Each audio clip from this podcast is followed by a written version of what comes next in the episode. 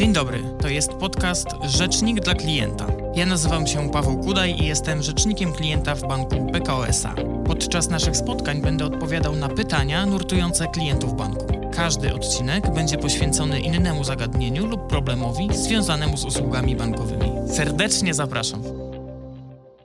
Dzień dobry, witamy wszystkich w kolejnym odcinku podcastu Banku PKSA Rzecznik dla klienta. Dzisiaj razem z Pawłem Kudajem, rzecznikiem klienta w Banku PKSA właśnie porozmawiamy o bezpieczeństwie podczas świątecznych zakupów. Witam Cię Paweł. Dzień dobry, Aniu, dzień dobry wszystkim. Temat niezwykle ważny, a koniec roku to dla nas e, czas intensywnych zakupów i takiego świątecznego e, szaleństwa w tym czasie. Bardzo dużo zakupów robimy w sieci. No i w związku z tym jesteśmy też bardziej narażeni na cyberataki. Jak ustrzec się przed nieprzyjemnymi sytuacjami, kłopotami, utratą swoich danych, utratą co gorsza środków ze swojego konta, to właśnie postaramy się dzisiaj na te pytania wszystkie odpowiedzieć. Z jakimi zagrożeniami podczas zakupu w internecie możemy się spotkać? Powiem tak, generalnie poziom za zaawansowania przestępców e, stale rośnie. Patrzymy i zwracamy na to uwagę z dużym niepokojem. Natomiast oczywiście staramy się temu zapobiegać jako bank. E, tworzymy różnego rodzaju kampanie, które edukują klientów i przestrzegają lub też wskazują po prostu na to, jakie kroki klienci powinni podejmować, żeby takich e, nieprzyjemnych sytuacji uniknąć, lub też już co zrobić, jeżeli coś złego się wydarzy. Mam tu oczywiście na myśli właśnie nieautoryzowane transakcje, o których mówiłaś właśnie Aniu na wstępie. Przechodząc Przechodząc do szczegółów, z jakimi konkretnie przypadkami mamy do czynienia, to należałoby zacząć przede wszystkim e, od tego właśnie okresu świątecznego, czyli okresu, w którym dokonujemy bardzo dużej ilości transakcji, zakupów w internecie, czy to e, za pośrednictwem kart płatniczych, czy to za pośrednictwem też przelewów. No i tutaj musimy rozróżnić e, kilka wariantów, czy kilka, kilka opcji działań przestępczych. Przede wszystkim są to ogólnie rzecz biorąc fraudy, które charakteryzują się tym, że przestępcy starają się przejąć czy to dane naszej karty płatniczej lub też dostęp do rachunku bankowego po prostu za pośrednictwem bankowości elektronicznej. A metody mają coraz bardziej wyrafinowane, prawda? Niestety tak, niestety tak, to jest to właśnie o czym mówiłem na wstępie. Przede wszystkim z takich charakterystycznych działań, które obserwujemy w reklamacjach, które składają nam klienci, przejawia się w tej chwili taki mm, element, gdzie przestępcy, czy potencjalne właśnie osoby trzecie kontaktują się z naszymi klientami za pośrednictwem komunikatorów, takich typu jak jak e, WhatsApp czy mhm. Facebook, próbują kończyć finalizację jakiejś transakcji. Czyli na przykład klient wystawia jakiś produkt do sprzedaży na jakimś portalu aukcyjnym, natomiast osoba trzecia kontaktuje się z klientem, chcąc zakupić pod pozorem dany produkt, mhm. który, który został przez klienta wystawiony, no i nawiązuje kontakt już poza tym portalem, na którym ma miejsce dana transakcja, tylko właśnie za pośrednictwem komunikatora. Wówczas na podstawie działań różnych socjotechnicznych, które podejmują przestępcy, czyli ta, ta właśnie osoba lub osoby trzecie, klienci są w różnej formie, w różny sposób manipulowani. Wszystko to zmierza do tego, że pod pozorem finalizacji tej transakcji przestępcy wysyłają klientom link, który ma na celu zakończenie transakcji, czyli na przykład opłacenie przesyłki, co tak naprawdę powinno być w gestii kupującego, tak? Czyli osoby, która kontaktuje się z naszym mhm. klientem. Natomiast już na podstawie tych działań socjotechnicznych, o których przed chwilą powiedzieliśmy, to klienci tracą tą czujność. Nie zwracają uwagi na to, że na podstawie tej rozmowy zmieniają rolę tak? Czyli przestają być sprzedającym, a wchodzą jakby trochę w rolę kupującego, czyli wchodzą w ten link, żeby opłacić przesyłkę, co tak naprawdę, tak jak powiedziałem, powinno być w gestii tej osoby, która się kontaktuje z naszym klientem. No i tutaj już ta czujność niestety jest w tym momencie uśpiona. Klienci korzystają z tego linka, wchodzą w ten link, który otrzymali, czy w wiadomości SMS-owej, czy za pośrednictwem tego komunikatora. No i tutaj jest jeszcze szansa na to, żeby się ewentualnie wycofać, tak? Bo jedna kwestia to jest wejście w link, ale to nie jest jeszcze taki już ostateczny krok, bo na tej stronie, która się wyświetli, ona będzie do złudzenia przypominać mhm. stronę do logowania banku. Może to być niestety strona banku PKO, ale również innych banków, które są dostępne tutaj na rynku. Do, tak jak powiedziałem, do złudzenia przypomina, ale ona nie wygląda y, jeden do jednego, tak jak strona banku, która jest stroną uwierzytelnioną, posiada wszystkie zabezpieczenia, a poza tym prosi tylko i wyłącznie o te dane, które bank może poprosić, czyli w ostateczności numer klienta i hasło maskowane lub PIN do aplikacji, jeżeli to jest aplikacja mobilna. Natomiast na tej stronie, którą przedstawiam, podstawiają przestępcy, no to tam jest prośba o wskazanie pełnych danych, czyli wtedy klienci bardzo często są proszeni, nie wiem, o numer klienta, o numer PESEL, o numer karty wraz z danymi, czyli na przykład kodem CVV, który znajduje się na rewersie, o wpisanie pełnego hasła do portalu. Bank nigdy o to nie prosi, to jest zazwyczaj hasło maskowane, czyli bank prosi w normalnej sytuacji o wybrane tylko znaki z hasła, mhm. a nie o podanie jego całego. No to jest jak... jedyny moment, w którym możemy się zorientować, że to nie jest strona banku? Tak, te wszystkie elementy, o których powiedziałem, powinny nam dać do zrozumienia, czy po prostu zapalić tą lampkę taką ostrzegawczą, że coś jest nie tak, że jesteśmy proszeni o dane, o które normalnie bank na co dzień nas nie prosi. Natomiast niestety, jeżeli klient wpisze te dane, wszystkie przekaże, o które zostanie poproszony na tej fałszywej stronie, no to wtedy już przestępcy wchodzą w posiadanie tych danych, które pozwolą na zalogowanie się już na właściwej stronie banku przez przestępców. I oni jakby przejmują kontrolę, nawet nie jakby, tylko oni przejmują kontrolę nad naszym kontem po prostu. Przejmują kontrolę nad naszym rachunkiem, nad naszymi wszystkimi środkami, które mamy zgromadzone na rachunkach. Mało tego, w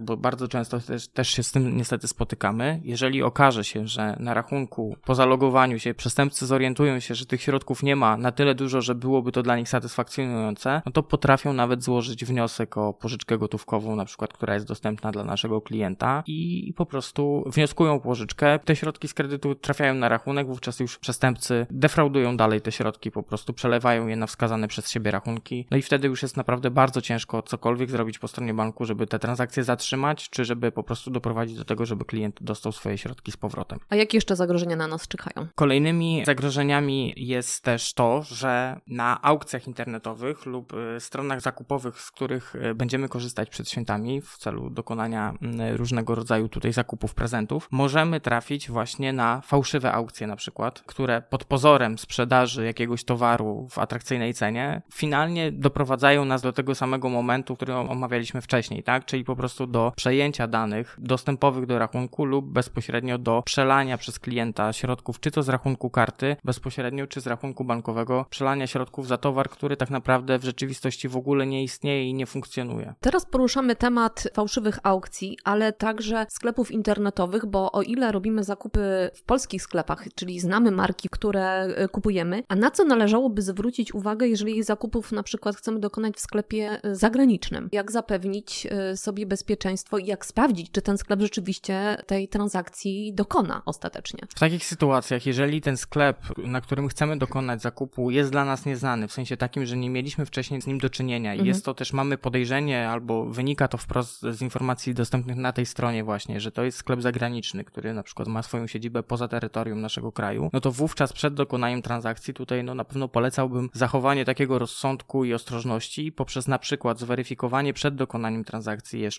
weryfikacji tego sklepu czy tej strony internetowej w internecie. Po prostu należałoby w wyszukiwarce nawet internetowej, to myślę najprostszy sposób, poszukać po prostu opinii lub innych ocen na temat tego sklepu, jeżeli w ogóle takie są. Bo mhm. jeżeli wpiszemy nazwę danego sklepu w wyszukiwarce i nie dostaniemy żadnej informacji zwrotnej, będą to bardzo szczątkowe informacje, czyli będziemy widzieć, że no ciężko jest poza tą stroną, Właśnie. o której rozmawiamy, znaleźć jakieś inne odnośniki do tego podmiotu czy do tej strony internetowej, no to to powinno nam już też wskazać, że coś jest nie tak. Że powinniśmy wybrać inny prezent. Inny prezent lub inny sklep. Mhm. Może czasami zapłacić trochę drożej, ale mieć pewność, że, dokonamy zakup, tak. bezpiecznej transakcji. Czujność i świadomość to są najważniejsze elementy podczas internetowych zakupów, oprócz oczywiście wyboru wymarzonych prezentów. Absolutnie nie powinniśmy z tego, co powiedziałeś, nie powinniśmy podawać żadnych danych bankowych oprócz tych standardowych, o których wiemy. Na co jeszcze powinniśmy zwrócić szczególną uwagę podczas zakupu w internecie? Przede wszystkim powinniśmy logować się wyłącznie osobiście, tak? Czyli nie zlecamy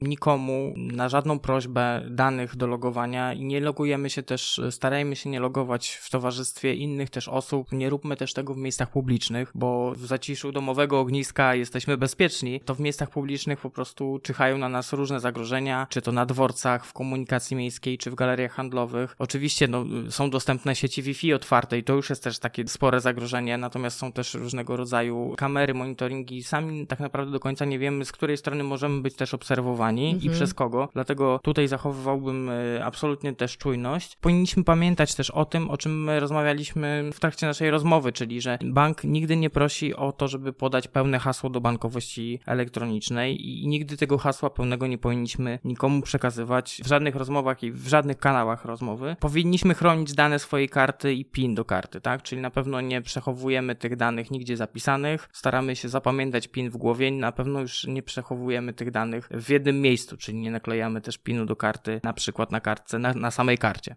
I nie zapisujemy w telefonie. I nie zapisujemy w telefonie, chyba że mamy to jakoś dobrze zahasłowane mhm. i te dane są naprawdę bezpiecznie przechowywane na takim urządzeniu. No i sprawdzamy też wiadomości, które dostajemy, tak? Czy to SMS-owe, czy właśnie y, za pośrednictwem komunikatorów, o których rozmawialiśmy. Sprawdzamy, czy linki, które są, to są linki takie zaufane, zautoryzowane. Przestępcy bardzo często też korzystają z takich stron, które łudząco przypominają, czy to strony bankowe, czy strony na przykład kurierskie. Mhm. Natomiast tam się zdarzają literówki, jakieś błędy, więc powinniśmy przed wejściem, skorzystaniem z takiego linku, dokładnie zweryfikować nazwę adresu, albo po wejściu w ten link też sprawdzić, czy dana strona internetowa posiada odpowiednie zabezpieczenia, które są oznaczone na przykład w pasku adresowym na, na samej górze. Czyli kłódka przy adresie na, na przykład. przykład. dokładnie tak. A jeżeli mam podejrzenie, że podałam dane dostępowe do swojego konta, albo co gorzej, podałam jeszcze PESEL przy dokonywaniu transakcji, co mogę zrobić? W kontekście numeru PESEL to w ostatnim czasie została wprowadzona nowa taka usługa przez ustawodawcę, która pozwala na zastrzeżenie tego numeru PESEL. Oczywiście proces jakby wdrożenia tego w bankach trwa i mhm. zostanie uregulowany w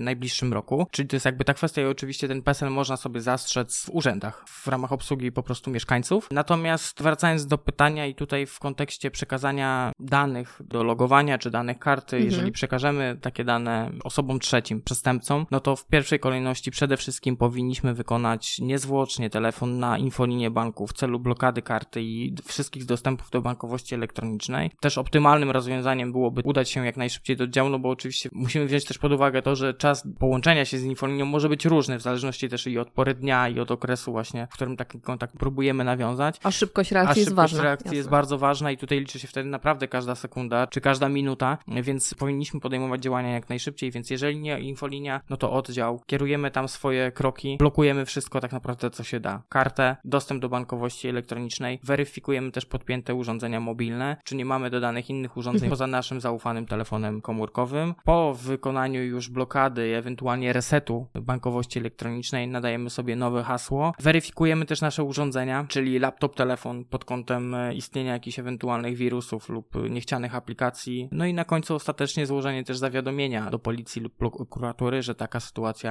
miała miejsce w celu podjęcia odpowiednich działań przez te organy. Gdybyśmy teraz podsumowali takie najważniejsze zasady cyberbezpieczeństwa, które powinniśmy stosować. Na pewno wybierajmy zaufane sklepy internetowe. Wyszukujmy też opinii o tych sklepach przed dokonaniem zakupów. Nawet jeżeli są to polskie strony internetowe czy polskie portale jakieś aukcyjne, to weryfikujmy też opinie o, o danych sprzedawcach czy użytkownikach, bo to pozwoli nam na uniknięcie ewentualnych problemów czy kłopotów. Powinniśmy uważać na fałszywe strony, które podszywają się pod sklepy internetowe i jakieś rozpoznawalne marki. Powinniśmy też zwracać uwagę na poprawność językową strony, na której przekazujemy dane karty. To jest to, o czym też mówiłem, czyli przestępcy popełniają błędy, proste błędy językowe, błędy logiczne, składniowe, które po prostu powinny nam zwrócić naszą uwagę mhm. i wskazać, że mamy do czynienia z nieautoryzowaną stroną. No i oczywiście to już też o czym mówiłem, nie udostępniamy nikomu naszych danych do logowania, numeru klienta, hasła, nie przekazujemy nikomu kodów blik przez telefon, no i czytamy uważnie SMS-y i wiadomości, które dostajemy na telefon i za pośrednictwem aplikacji i komunikatorów. Zgodzisz się ze mną, Paweł, że temat jest bardzo szeroki i niezwykle ważny, dlatego myślę, że to jest dobry moment, żeby zaprosić wszystkich na drugą część tego odcinka, jak nie dać się oszukać i nie dać się okraść w internecie. Tak jest. A tymczasem, skoro jesteśmy przed świętami, to w tym szczególnym czasie pamiętajmy nie tylko o idealnych prezentach, ale także o zapewnieniu sobie ochrony w internecie. Bądźmy cyberczujni, bo to też jest kampania, którą Bank PKSA prowadzi. Informacje o bezpieczeństwie można także na stronie naszego banku znaleźć, jeżeli mamy jakieś wątpliwości. No oczywiście życzymy wszystkim bezpiecznych zakupów i wesołych świąt.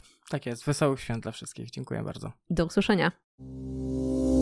To jest podcast Rzecznik dla klienta.